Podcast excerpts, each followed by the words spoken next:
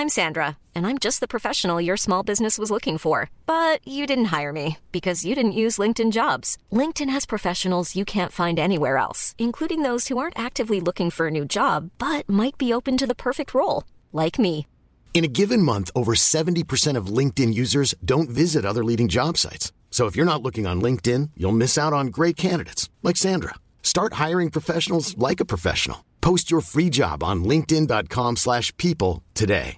Hey Dave, Yeah, Randy. since we founded Bombus, we've always said our socks, underwear and t-shirts are super soft. Any new ideas? Maybe sublimely soft. Or disgustingly cozy? Wait, what? I got it. Bombus. Absurdly comfortable essentials for yourself And for those facing homelessness. because one purchased equals one donated. Wow, did we just write an ad? Yes. Bombas. Big comfort for everyone. Go to bombas.com slash ACAST and use code ACAST for 20% off your first purchase. Hey, I'm Ryan Reynolds. At Mint Mobile, we like to do the opposite of what Big Wireless does. They charge you a lot, we charge you a little. So naturally, when they announced they'd be raising their prices due to inflation, we decided to deflate our prices due to not hating you. That's right. We're cutting the price of Mint Unlimited from $30 a month to just $15 a month. Give it a try at mintmobile.com slash switch. $45 upfront for three months plus taxes and fees. Promo for new customers for limited time. Unlimited more than 40 gigabytes per month. Slows. Full terms at mintmobile.com.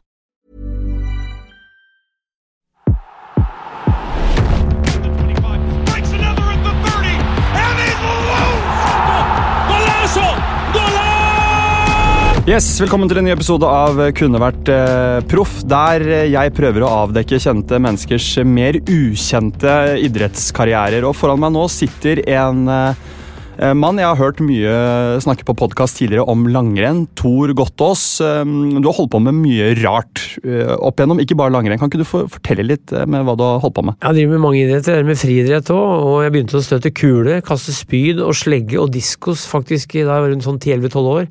Oppe i Brumunddal. Fatter'n lagde kulering bak hagen. Far var gammel kulestøter, hadde kretsrekorden, eller var kretsmester i Oslo i kulestøt, og bestefar hadde nordnorsk rekord i diskos og stav med 3,41 på 30-tallet.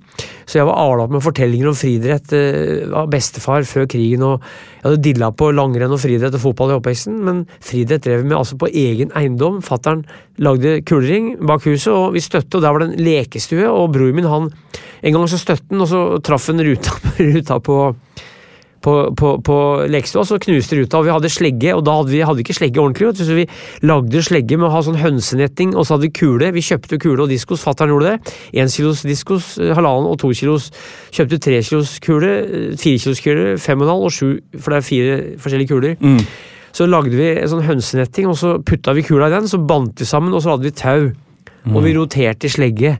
Og broren min roterte en gang, og da datt kula ut av av hønsenetting nå, og knuste jo et vindu i huset. Det var bak huset, da måtte vi begynne å kaste slegge et annet sted. Men vi drev med sånne ting. Det kaller jeg løkkefriidrett, som var vanlig at gutter drev med. Det er 1970-tall. Ja, Det er 1970-tallet, ja. Ja. Og det, denne episoden skal handle om eh, diskos, som eh, kule Altså løkkefriidrettsøvelsene du holdt på med nå, som du beskriver. Det, det var forløperen til det som skulle bli eh, en, en liten minikarriere i diskos. Vi skal starte med første livsfase. Eh, denne podkasten deler seg inn i tre livsfaser. Den første, alt er mulig. Det er eh, alderen fra ja, 4-5-6 år og til 13-14-årsalderen. Her er alle drømmer store, og man fantaserer om å vinne store turneringer. Og ja, vi dykker rett inn i denne livsfasen eh, sammen med Tor Gottaas.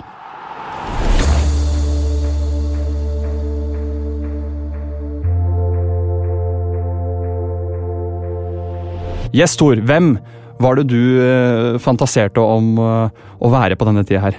Altså, du tenker på friidrett? Ja. Ja, altså jeg drev med diskos, og da hadde en diskoskaster som het Knut Hjeltnes i Norge. Han var en av verdens beste og hadde etter hvert norsk rekord med 69-62, og var kanskje på et tidspunkt eh, i hvert fall blant de to-tre beste i Norge. Han ble tatt i, i verden. Han ble tatt i, han ble tatt i doping.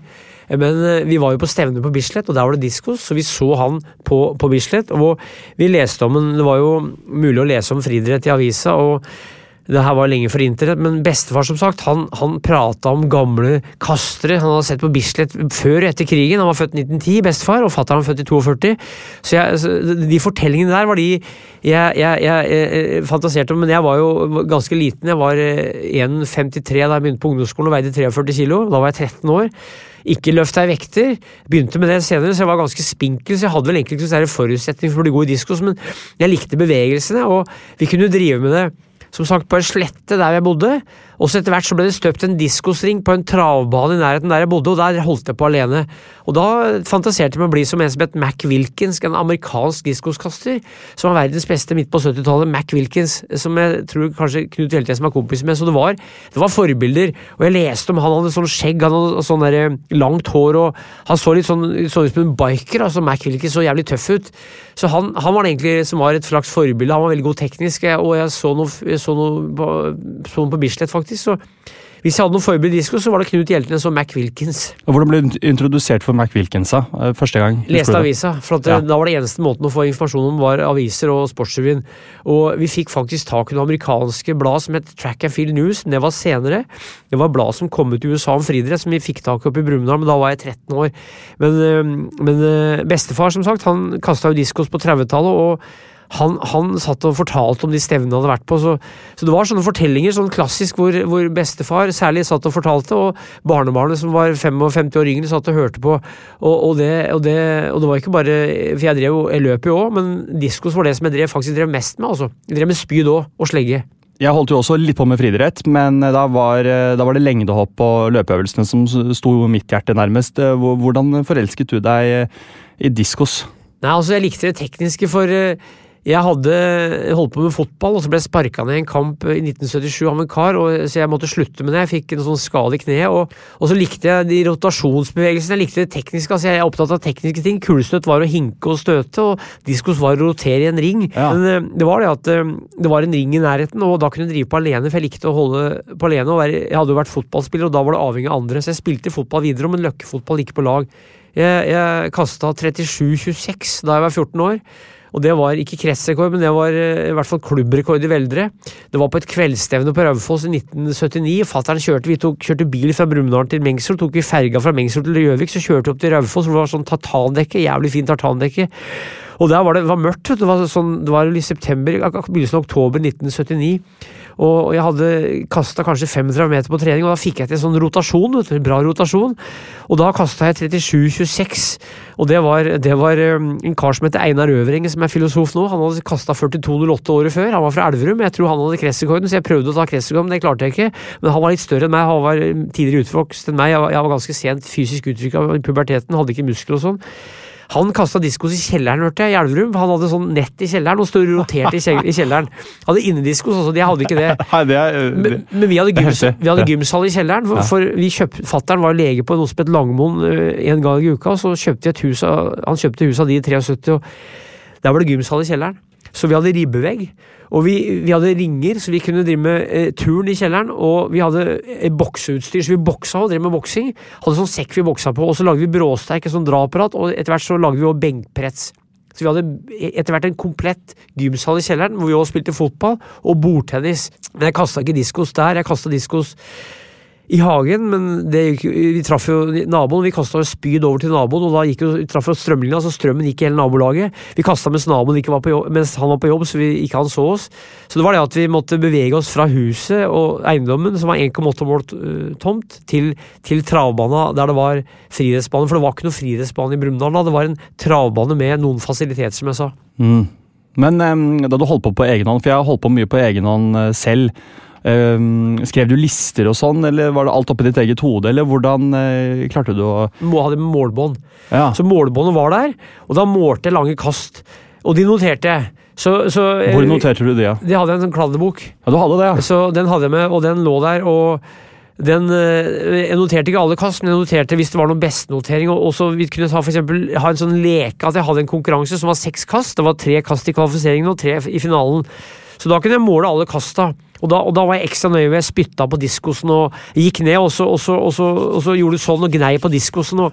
Jeg hadde jo treningsutstyr og kasta mye i kortbukse, for diskos er en veldig teknisk idrett, så det er viktig å rotere. Så den, den rotasjonen lærte jeg meg ganske bra. Men Fikk du noen mulighet til å studere idolene dine eh, også, altså nøye? Ja. Gjennom eh, TV eller eh, videoopptak eller noe sånt? På? Bislett Games så satt vi alltid i nordisk sving. okay. Og diskos, der er det jo diskos i nordisk sving. Jeg var på hvert eneste stevne fra jeg var åtte år med bestefar og fattern. Så, så der, det, det kunne vi gjøre hvert eneste år. Så du lærte ganske mye som guttunge ved å se på de på nært hold. Det var 20-30 meter unna. Og det er ikke så mye du trenger å lære hvis du klarer å suge til deg, for hvis du klarer å bruke den lille kunnskapen du har og utvide den, så, så er det utrolig hva du kan få ut av lite. altså. Mm. Og da dukker vi inn i eh, en eh, livsfase til. Du, eh, nå skal vi inn i livsfasen som jeg har valgt å kalle noe er mulig. Og her er, eh, er det litt realitetsorientering hos mange. Noen eh, tviholder fortsatt på idretten og utvikler seg, men det er eh, kjærlighet og kanskje alkohol som kommer inn som forstyrrelser, som kan være støy i en gryende satsing. Og nå skal vi kartlegge Thor i årene fra 14-15 til 18 år eh, i perioden eh, Noe er mulig.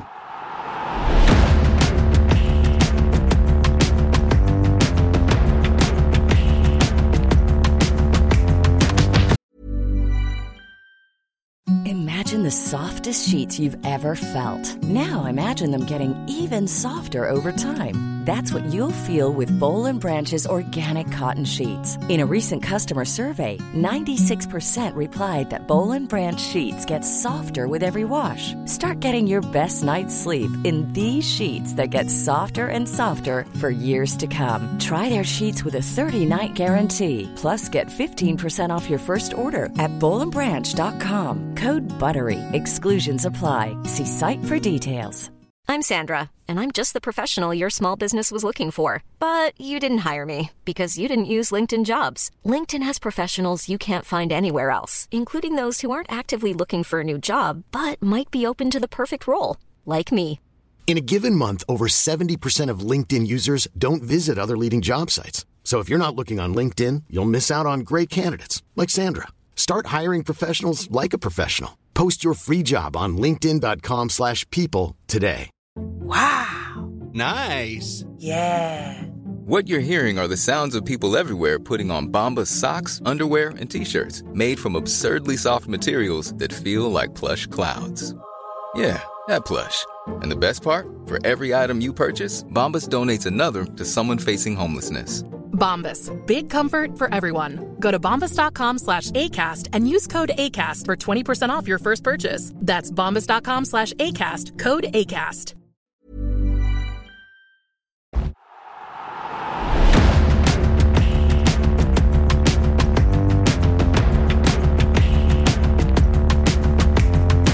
Yes, Thor. Beskriv eh, deg selv som eh, 15 år gammel diskoskaster. Jeg drev jo med langrenn om vinteren og diskos om sommeren.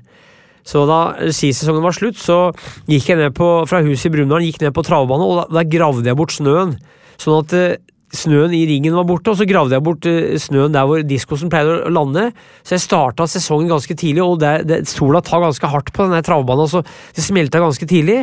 Så allerede i slutten av mars, eh, begynnelsen av april, så var jeg nedpå der eh, hver eneste kveld og kasta disko, stort sett alene. Av og til sammen med broren min Lars, som òg ble faktisk bedre diskoskaster enn meg. Han, han er 1,85-86 og veide 90 kilo. Han ble faktisk på tredjeplass han i Vest- Vesta-G-leken i 1981 i diskos, nummer tre i Norge. Men altså, så da fikk jeg kanskje tre uker lenger i sesong, og da stevna, det begynte stevner i mai, så var jeg ganske bra forberedt, men det var ikke så mange stevner med diskos. Jeg måtte slenge meg i andre øvelser, i spyd og, og kule, for å, men det ble noen stevner i løpet av sommeren, og, og da var det ganske få deltakere, for det var Hedmark friidrettskrets, det var ikke noe særlig stor interesse for diskos.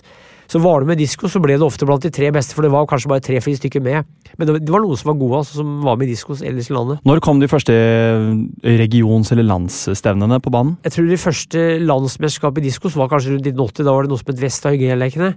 Men jeg var ikke med der, men broren min var med der. Men senere så var jeg med noe sånt mesterskap borti USA, for jeg studerte, eller gikk på skolen i USA. Men jeg var med i stevner så mange jeg kunne, og eh, jeg hadde jo framgang. Eh, men jeg begynte med 1,5 kilos diskos, da var jeg 15 år. For fram til 14 år så er det 1 kilos diskos, og da var det eh, 37-26. Og så, og så kasta jeg en, en og en halv kilos diskos, og den er litt større. Og jeg har ikke noen store never, så det passa kanskje bedre å, å, å kaste med 1 kilos diskos for meg, men jeg måtte jo tilpasse meg en ny diskos. Men det jeg gjorde, var at jeg trente om med to kilos diskos, som er voksendiskosen. Så jeg trente faktisk med tre diskoser. Hadde de liggende i, i, i, i garasjen og, og bar med meg diskosen hver eneste gang. Hadde sånn hadde sånn, faktisk sånn eget sånn nett, sånn diskosnett. Hadde du det? Hadde du det, ja? Egen diskosnett som hadde fått tak i. Men hvordan hadde du fått tak i dette utstyret? Far kjøpte det i Han betalte, kjøpte det på sportsbutikken i Brumunddal. Det er ikke sikkert de hadde det, men de kunne kanskje bestille fra andre butikker. Du kunne nesten arrangere deres eget lille olympiske mesterskap i hagen med premieutdeling og alt mulig. For lekens skyld, hvis dere ønsket. Vi hadde tikamp. Dere hadde tikamp, Ja, ja. men ikke med poeng, men vi hadde bare det best av ti øvelser. ja. Dere hadde det. Var Ja. fatteren med da òg, eller? Fatteren var ikke med, han, han- altså, fatteren var ikke med på noe selv det, for han jobba jo, han var lege, han jobba hele tida. Men okay. han, han, han syntes det var veldig moro at vi drev på, og lærte oss i kule så var det å få til en vipp med fingra. Mm. Og få vippen, som fatter seg, det var veldig viktig i kule.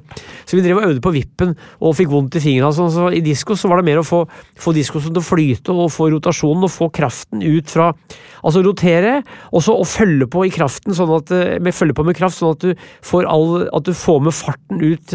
Så diskos er en veldig teknisk morsom idrett. altså som jeg brukte en god stund på å finne teknikken, men når den satt, så satt den. Men hver vår så måtte jeg øve opp. Men jeg roterte òg inne da, i huset. Så jeg roterte i stua. Gjorde det, ja? Tørr, tørr, tørrtredd, for eksempel. I mars så begynte jeg å tørr, tørrrotere. Eller kunne rotere og ute, og så drev og roterte en del ute. Altså, du, du fikk litt sånn eh, teknisk tvangstanke, kanskje, som, eh, som forfulgte deg? Så du måtte, måtte gjøre det litt hele tiden for å rotere litt hele tiden? Jeg vil heller si at jeg hadde diskosdilla. Diskosdilla, hvis, du, hvis du roterer i sand eller på grus, så er det så fin sånn knaselyd. Det knaser fint du roterer. Og så ser du hvor du Så kunne du se hvor du har rotert deg, så kunne du se hvordan rotasjonen har vært. Hvor lenge kunne du stå av gangen, da? Et par timer, tipper jeg. Et par timer? Ja, og da fikk jeg mange kast, du. Da måtte jeg løpe frem og tilbake. Så jeg kasta, så løp jeg og henta han. Så det var jo mye trening i det. Det var ikke, det var ikke noe sånn latmannsliv, det. Og så, eh, det var ikke så langt å gå, det var en kilometer å gå, men det var, det var, det var en del sånn bevegelse med å kaste disko, så, og så måtte du finne hvor, hvor den traff hvis du skulle måle og sånn. Det var en del tankegang. altså Du må tenke en god del om diskos. Det, var ikke, det, var det skjedde med bevissthet. Det var sikkert ikke jeg så bevisst som jeg måtte vært for å bli veldig god. Jeg hadde ikke noe fysisk talent heller, men du må tenke en god del. altså Når du er gutt, så, så jeg var liksom besatt av diskos, diskosens indre vesen Mm. akkurat når jeg var der. og tenkte, lå, lå tenkte på rotasjon om kvelden og var nervøs for stevner og sånn. Mm. Senere da jeg kom til USA, så, så ble jeg jo mer, mer en del av et team. altså. For som diskoskasse i Norge så var det fattern og jeg som dro på stevner, og broren min Lars. Og så var jeg med et stevne husker jeg, på Skotterud nede i, nede i Eidskog kommune i Hedmark. Der var jeg med i diskostevne en gang i 1980. Og det var morsomt. Da kjørte jeg med en som het Ole Taurstad, og da kjørte vi langt for å kaste diskos. Og det virker jo rart å kjøre 30 mil for å kaste en diskos bare fem-seks ganger. Ja. Men, og- så, så, så jeg tenkte også, hvis du for eksempel sprint, vet du, hvis du tar en sprinter som løper 100 meter, han konkurrerer altså kanskje tre minutter i løpet av et år, altså. Jeg snakker en del med gjestene mine i denne podkasten om eh, temperament Ja. i ungdomsårene. Ja. og Hvordan håndterte du dårlige kast? Nei, jeg ble jævla forbanna, og da var det ofte at jeg tråkka dødt. Tråkka dødt. Så, så, så, men jeg hadde det, konkurransen konkurranse på Raufoss eh, da jeg var 14 år, så hadde jeg seks gode kast. Ja. Og det ble bedre og bedre utover konkurransen. Satt pers i hvert eneste kast, så da var jeg sånn oppildna, og fattern sto der og jubla stille på sin måte. Men jeg, men jeg, men jeg, hadde temperament, og, og var veldig sånn kort, jeg er veldig kortsint. Jeg blir jævlig sint, jævlig fort, Ja. og så går det over. Og, og det gjelder diskoskast. De blir kanskje forbanna akkurat der, og så, og så konsentrerer seg om neste kast. Mm. Så Et kort utbrudd øh, på Ja. seg, se- øh, mot seg selv, eller? Og så skrek jeg ofte når jeg kasta sånn «Åh!» De store gutta skrek, så det var sånn «Åh!» skrik, Sånn apebrøl når jeg kasta. Det var vanlig å gjøre. Ja, det... det- var helt vanlig. Også. Men øh, kjefta du på andre? Kunne du komme til å gjøre det òg? Altså, Aldri. Dommer eller noe Aldri. uri- Nei, aldri. Aldri. Og Og kun på seg selv? Jeg hadde jo aldri noen trener. Nei. Uh, og Fatter'n var ikke noe særlig med å kaste med oss, så jeg trente mest alene eller sammen med noen kompiser. så har jo aldri hatt noen trener, og, det var jo useriøst, men det var veldig seriøst oppi huet mitt. Mm. Og, og det ble mer seriøst da jeg kom til USA, faktisk. Gikk på skolen der. Vi må snakke om USA. Ja. Uh, når uh, dro du dit, og hvorfor? Jeg var en der i skolen, for jeg hata skolen. Jeg hata skolen fra andre klasse, for jeg likte ikke å sitte inne. Jeg likte gymtimen, likte det sosiale, men likte ikke å sitte i et klasserom og høre på læreren prate tull og se på tavla. Så søkte jeg meg til USA i, etter første på videregående, for jeg ville bare bort. Jeg søkte meg egentlig til Australia, men jeg kunne ikke komme dit, for da, der måtte du dra om vinteren og komme tilbake om vinteren, og da måtte du ha, dele to skoler, hvis du skjønner. Jeg kunne dra til USA og kom til, kom til eh, New York. Det var Helt forferdelig, vet du. Byen New York. Og det nekta jeg, vet du. Jeg vil ikke til New York, sa jeg. Så plasserer jeg meg på i bussen, sa jeg er fra Brumunddal, jeg kan ikke bo i by. Hvem sa du dette til? De som organiserte Ok. eh, ut, Så jeg, før jeg ble sendt til USA, så nekta jeg å bo der jeg skulle bo. Jeg skulle bo hos familien Pellegrino på Staten Island, som er utafor New York, men det visste ikke jeg da. Så jeg ble sendt til Vermont til en sånn gammel sånn hippiefamilie som- hvor mora og faren ble skilt like før. De var en sånn reservefamilie som ikke egentlig skulle ha student, men så tok de meg for at jeg var en håpløs type, sikkert. Og der var det friidrettsteam på skolen. Og det er jo tre sesonger. Det er terrengløp med høsten, langrenn om vinteren, eh, eller hockey. Og så var det fotball, amerikansk fotball eller friidrett på våren.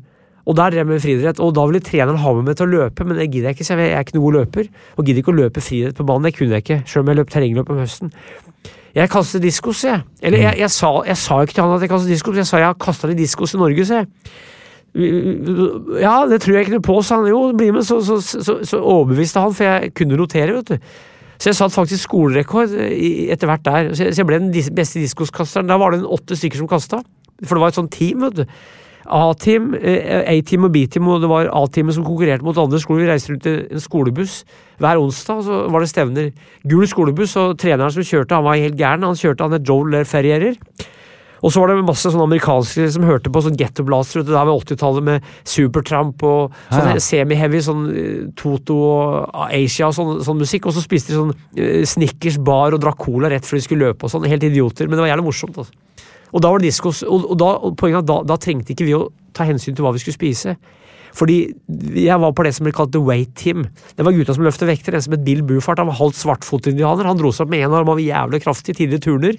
Han var kulestøt og diskos, men jeg slo han. Gjorde du det? Han, han, han, tok 100, han tok 135 benk, benkpress. Jeg tok 75 da, kanskje 80. Yes. Han var dritsterk, men ikke noe god teknisk. Han slo jeg i diskos. Yes. Hvis vi kjørte rundt i skolebussen, det var altså ca. 50 på time, bussen tok 50 elever, så, så, kom, så kom vi til en skole, f.eks. til Vinuski, som var en skole mer nær Burlington, eller til eh, Jericho High School, som er nord for Altså Jericho nord for Ikke Jericho i Israel, men Jericho i Vermont. Og da var det sånn at eh, Wait-teamet de besto av sånne kraftige karer. En som het Kevin, Bill Bufard og Jay Pottin og meg og noen til. Sånn bare kraftig. Jeg var ikke noe kraftig, men jeg var i hvert fall best i diskos, altså ikke kule. Men da oppsøkte vi alltid vektrommet. Fordi, for der var noen lokale gutter som løfta vekter, og da gjaldt det også å outlifte de, da. Så Bill Buford han kunne alltid Han var, han var ekstremt atletisk. Han hadde du så blodet Han var jævlig fin kropp, altså. Eh, Bill Buford, så da skulle vi outlifte de. Det var sånn fast at vi dro til vektrommet, for det var litt for å varme opp. Og, så oppvarming, og så traff vi de, og hvis ikke det var noen der, så, så ble vi med weight-teamet på skolen der vi kom, og så dro vi og løfta vekter. Jeg skjønner, jeg skjønner. Og, øh, og da var det nesten sikkert at noen fra det andre Way-teamet hang i den gymmen da dere kom? At det var mulig å møte Ja, ja, på det? ja, for det, ellers så spurte vi hvor vektrommet var, og, og, så, og så spurte vi og Det var sånn at de gutta jeg var sammen med, de kjente jo folk fra før. Ikke sant? Så hvis du kom et sted, så kjente du de gutta som var der. De visste hvem det var. Men Var det sånn at det, dere holdt på øh, i én krok og de andre i en Nei, annen krok? Eller, var- eller snakka dere sammen? Snakka sammen. Det var, det var, øh, ja, men det var mind games i dette her også? Ja, ja, ja, det var konkurranse, ja. Ja, det var det. Så- oh, ja, det var konkurranse. så, så da kunne for eksempel Bill Buford, som var den sterkeste av oss, Ja. da kunne han løfte mot ster den sterkeste, for eksempel, på du?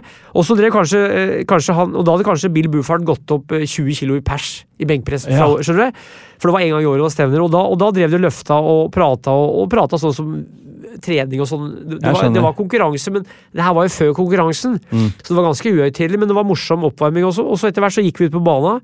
For løperne måtte jo varme opp og løpe og passe på hva de spiste. Sånn. Vi kunne eh, gå rundt og være mer sånn vektkarer som, som ikke hadde de behova. Det var mer avslappende. Men når det smalt, så måtte vi være fullt fokusert, vi òg. Men øh, Så da kunne alle sammen stå rundt benken da, og hoie? Ja, ja, ja. Og var skikkelig sånn Det sånn kunne være en 15 stykker. ja. 15 gutter, kanskje. Det er som man ser på film, jo. Ja, det, det, var som på film, og jeg syns det var som på film. Og, og, og, og, han, han, han Bill Buford var en sånn large, for meg en large and life-type. for eh, og han var jo sånn, sånn, sånn, sånn, sånn eventyrfigur. Han, han var halvt svartfotindianer. Han var veldig sånn flott kar. Han han veldig fin kropp, eh, veldig ålreit type. Hadde sånn, eh, sånn Transam, sånn bil, kjørte jævlig fort og hadde draget på damene.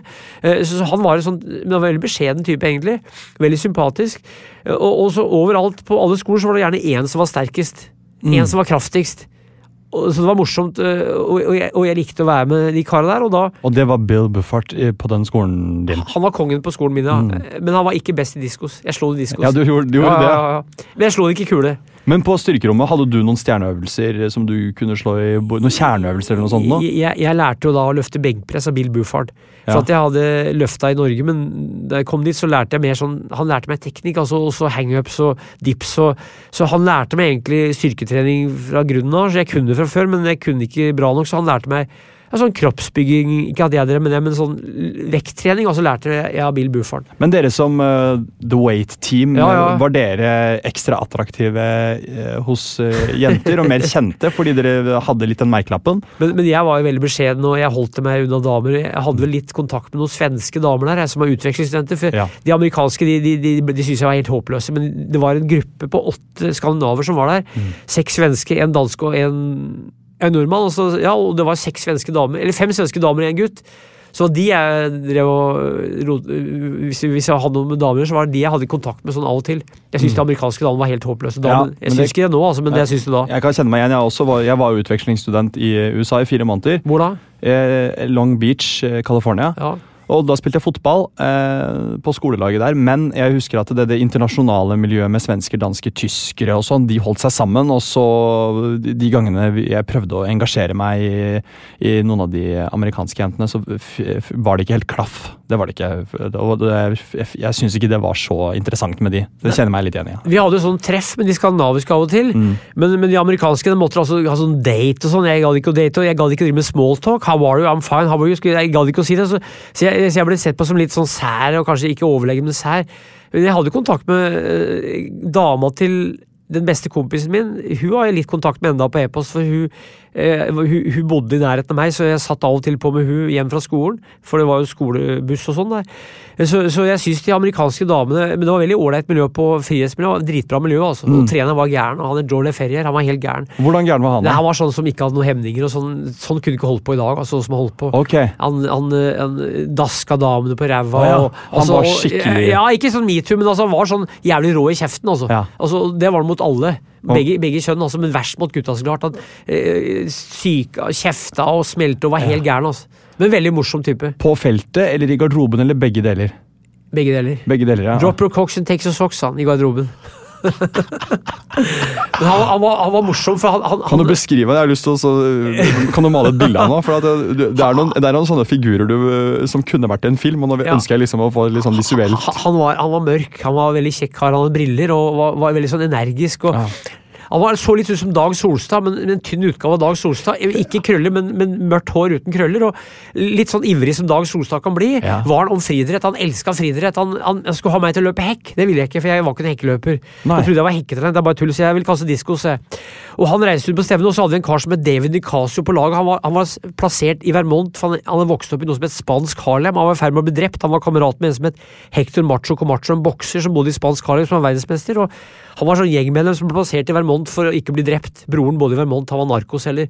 Men han var på laget, da. David Nicasso ble kalt Bananamann. Han, han, han ble kalt han Rocky, for han, han slo ned en kar i en 3000 meter. Han begynte, å, han begynte å bokse på en 3000 meter, han banka ned en kar. Men han, men han var på laget, og det var sånne karakterer på laget som, som Frihet var ikke så stort, men sånn som Bananamann bro, Broren hans har vært på det dominikanske eh, stafettlaget i OL i 1968 på 4 ganger 400 Han var jævlig talent, han David Nicaso. Og så var det sånne kraftige typer som Jay Potvin og, og Bill Bufard. Ja. Og så var det sånne typer som Mike Giancola, som er hockeyspiller og playboy. Italiener. Så ut som John Travolta, men enda bedre utseende på han. Så det var masse sånn forskjellige typer. Vet du. Lange, korte. I langrenn så får du mer de samme typene. I frihet var det mange, og det var, det var morsomt. Og de er jo de er ofte mentalt forskjellige òg. Ja, Men da du kom inn i dette miljøet her helt i starten, Ja. ble du akseptert med en gang? Eller hvordan, hvordan husker du starten der? Jeg hadde jo vært langrennsløper og var skolas beste langrennsløper.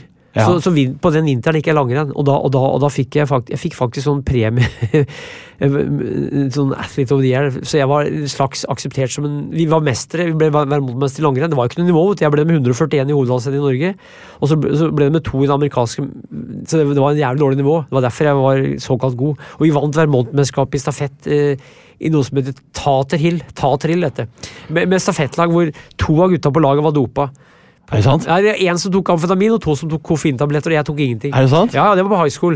Men, men, men, men, men, i friheten, kom, friheten var jo fra ju- Det er fantastisk. Friheten var fra april, vet du. Ja, ja. Det var fra april til juni. Så det som skjedde, var at eh, langrennssesongen varte fram til, fram til mars. Og da dro gutta opp til eh, Montreal for å røyke hasj og for å gå på konserter og, og spise drittmat. De kunne gå opp fem kilo, og så begynte friidrettssesongen. Og så gikk det ned vekt. Så de, de eh, 17-18-åringer de holdt på sånn å gå opp og ned i vekt. og når det ikke var sesong, så gadd de ikke å trene. Så det var helt spesielt, altså. Så Jeg vet ikke om det var sånn der du gikk, men de, de ga blaffen i å trene. Hvis ikke, hvis ikke treneren sa de skulle trene, så gadd de ikke å trene. Jo, det, jeg kan kjenne meg litt igjen i det. Ja. Ja. Og spesielt den røykinga og sånn. Ja, ja. Den, den husker jeg. Og, og jeg hadde jo Jeg, jeg smakte jo ikke alkohol der. Jeg, jeg fikk jo, vi, vi hadde ikke lov til å bruke noen ting, og jeg gjorde det ikke, for jeg er fortsatt avholdsmann. Har vært full fire ganger, jeg. Eh, på, ni, på 90- og 80-tallet. Og, og, og da sist var i 1990, og da, da, da var jeg med de, men, men eh, for meg var det helt at, at skiløpere skulle røyke pott, det, det, var Jeg hadde ikke hørt om det. Men eh, da du konkurrerte eh, i regi av skolen, hvor mange var det som så på? kunne være, kunne være På det meste var det nok en 2000-3000, og det var i State Championship. For det var to mesterskap der. Det var vanlige stevner, og så var det, og så var det eh, hver måned. Og så var det State Championship. Og jeg ble uttalt til Øvre Vermont-mesterskapet og kvalifiserte meg til State Championship, som var i Burlington. Det var tolv stykker som var med diskos. Ja. Han som vant, han var 1,95 og veide 120 kilo. Eh, og, og, og, og så var det meg, da. Tenk det, som eh, 18-åring. Ja, han hadde, jeg vet ikke om han dopet seg, men han var sånn, sånn type som du kaller lillebror, altså, han er så diger, hvis du skjønner. Eh, og han var sånn, for, sånn hormonbølle, altså. Hormonbølle. Det jeg er ikke sikkert han var dopa, altså, men han så som han hadde skjegg som tolvåring, tror jeg. Men da Ja. husker jeg sto i garderoben der, og da, da så jeg at de sniffa kokain før 800-meterløperen. Ja. Så det var en kar som løp 800 på 1,53 som, som sniffa kokain, altså. Det, det hadde jeg aldri sett før, at man sniffa kokain. For jeg har sett at de tok at de tok amfetamin før skirenn, men at de sniffa kokain, det, det, jeg skjønte ingenting. altså. Mm. Jeg fra mor og far var Ale, jeg kom fra et Aleshjem i Brumunddal, så sto folk og sniffa kokain før en 800 meter, og han vant, vet du. Ja, Og da var dere hvor gamle? Jeg var 17. Ikke sant? Men eh, hvordan gikk det med deg i det States eh, Championshipet? Kom på sisteplass. Kom på sisteplass, ja. Av tolv. Var det nervene, eller var, var det bare nivået? Det var bare et annet nivå på de gutta som du jeg, Jeg, konkurrerte var, mot? jeg var dårligst. Jeg Ja. kasta 39 meter. Ja, og, de, og de beste kastene lå på par og 50. par og 50, ja. Ja, ja. Han var god, altså. Han kom til, han kom til New England. Det var sånn New England-mesterskap òg. Mm. dit kom ikke jeg, men de beste kom dit, så han var, han var sånn som tror jeg fikk, Han tror jeg fikk stipend til å bli Altså fikk diskostipend, eller kulestipend og diskostipend på, på universitetet, altså. Mm. Men han da- ble god senere. Og da, og da var det et par tusen eller to-tre tusen som så State Championship, eller? I hvert fall det, ja. Ja. Det var mye, mye, mye foreldre, vet du, men det var jo et par-tre tusen. Og det var ganske sånn, eh, sånn Skikkelig sånn high school med bleachers og, og tribuner og sånne ting. Cheerleaders og så det det ja? folk som ropte sånn go, go og sånn push it, push it, push it. Sånn. Så jæklig kult å oppleve, da. Ja, jeg synes det er jo i, mer tilskuere enn det kan være på en uh, Sandefjord fotballkamp. Hvis det er litt dårlige tider for Sandefjord fotball. Jeg er fra Sandefjord. Da har jeg vært på stadion noen ganger, og de har lest opp eh, 3000. Og da har jo du allerede konkurrert for eh, omtrent det samme antallet, så det er litt kult, syns jeg. da. Det bodde, det bodde jo en del folk i Burlington, det bodde vel 50 000, og så var det masse studenter. og Det her var ganske stort annonsert. Det her er jo lenge før internett, og det var ikke så mye som skjedde oppi der. Så det var en ganske stor begivenhet, det Vermont, det med State Championship Mm. i, i friidrett. I langrenn var det ingen som så på, det var null. Ja. Og jeg husker jeg var skikkelig nervøs. altså. Var Ja, nervøs. og Beskriv den Nei, nervøsiteten. det, det, det, det, det, det var sånn at, sånn at Da ble det sånn som på skirenn, for da skal jeg forsvare skolen, så er det festet nemlig skolerekord. Ja. For der var det ikke 1,5 kilos diskos, ikke 2 kilos, det var 1,75. Eller om det var 4 pund. Det kan ha vært 4 pund, det var 1,75, tror jeg. Og det var gummidiskos. I Norge var det jerndisko, eh, jerndiskos, eller trediskos med jern rundt på, på enden, eller rundt der. Der var det gummidiskos. Ja. Så vi kasta diskos inne der, og faktisk i hall. Oh, ja. Kastet, hvis det var dårlig vær, så trente vi inne i hallen, for det var ikke, det var ikke, det var ikke diskosbane på skolen. Eller det var diskosbane, men det var sånn at det var fint å trene inne, eh, og da kastet jeg en del diskos inne. Det var en hall som var 40 meter. Håndballhall, eller sånn lacrosse spilte vi der òg. Basketball. Ja, ja. Men i hvert fall så, så husker jeg Da, da var jeg nervøs, for da skulle jeg representere skolen. Mm. Og det, jeg hadde egentlig slengt med diskos bare for å ha noe å gjøre. Vet du. For å slå i hjel i tid. Men så, men så, så, så han treneren en veldig sånn seriøs sånn, For det var, kanskje seks-sju stykker som var tatt ut fra skolen til det State Tre gutter og tre-fire jenter. Vi dro dit fra Colchester og kjørte sammen. Det var, så, det var to biler. Kom dit ganske tidlig, og jeg hadde med egen diskos. Men det kunne jeg ikke kaste med. Så jeg, jeg måtte, måtte kaste med den diskosen som lå der. Det første kastet var mislykka, det andre var mislykka. Og det var sånn der at det var ikke noe finale. Det var alle som var der, fikk kaste seks kast. Ja. Så jeg fikk kaste seks altså. For det, vanligvis er det ofte tre kast, og så finale. De åtte beste, men der var det alle tolv fikk kaste tre ganger. Så det var, det var bare at jeg var, jeg var, jeg var jeg, Motet sank. altså Jeg så at han kasta over 50 meter, og så kasta jeg 600 meter. og Jeg følte meg som en, som, som en diskos dverg, altså. En lilleputt altså, blant de Ja. store gutta. For jeg, var, jeg, var, eh, jeg var den desidert minste der, altså. og hadde ikke noe der å gjøre, vet du, men ble- ble sist. Men eh, det var moro å være med, og jeg satt skolerekord, men det var, det, det var jo ikke så langt. Det var 39 meter eller noe sånt. Nå dykker vi inn i siste livsfase, som jeg har valgt å kalle 'veldig lite er mulig'.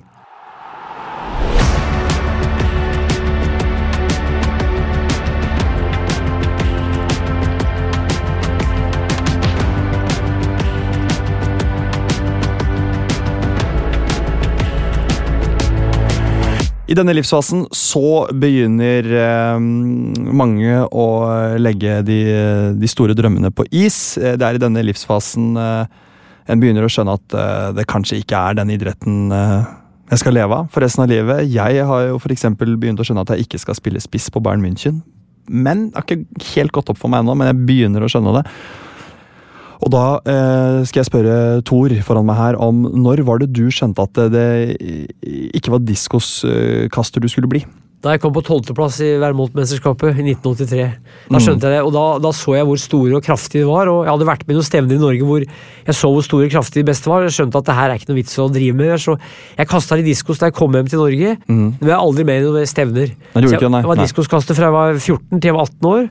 Og var med i flest stevner i USA. Var kanskje med i 15 stevner i året der, og, da, og det var det året jeg var med i flest stevner. Men jeg, diskosen ligger i Brumunddal ennå, jeg har den fortsatt. Har du det? Ja, ja. Hvordan er eh, ditt forhold til diskosidretten i dag? Jeg har jo skrevet en bok som het To kulestøt fra Finnmark, om Harald Lorentzen og Bjørn Mange Andersen. De er fra Finnmark. og Den skrev jeg fordi jeg hadde erfaring fra diskos, og de støtte kule, men de kasta også diskos. Så jeg følger med i diskos og syns det er veldig artig at det er en norsk diskoskast fra Drammen som er god. Eh, Så jeg har fortsatt sånn, litt sånn kjærlighet til diskos. Og Ja. eh, sitter alltid i Nordre Sving på Bislett, men der er det gjerne kule nå. Det har ikke vært diskos de siste årene. Jo, det har vært diskos der òg, men så jeg sitter i Nordre Sving og følger med i kast, altså. Jeg følger med veldig, veldig godt i friidrett. Løping og alle øvelser, men også kast. Tor, jeg tror vi skal konkludere nå. I konklusjonen, Tor, så uh, bruker jeg min, uh, hele min journalistiske integritet uh, på å dømme om det er en, en, en tapt olympisk mester som sitter foran meg. Jeg er ikke noen vitenskapsmann. Jeg har gjort et dybdeintervju med deg og kartlagt deg i ulike faser. Og fått et innblikk i hvordan du har satset fra du var ung til du ble voksen. Og min konklusjon er sånn at Tor, du beskriver en dedikasjon og en treningsvilje og et treningstalent en toppidrettsutøver verdig.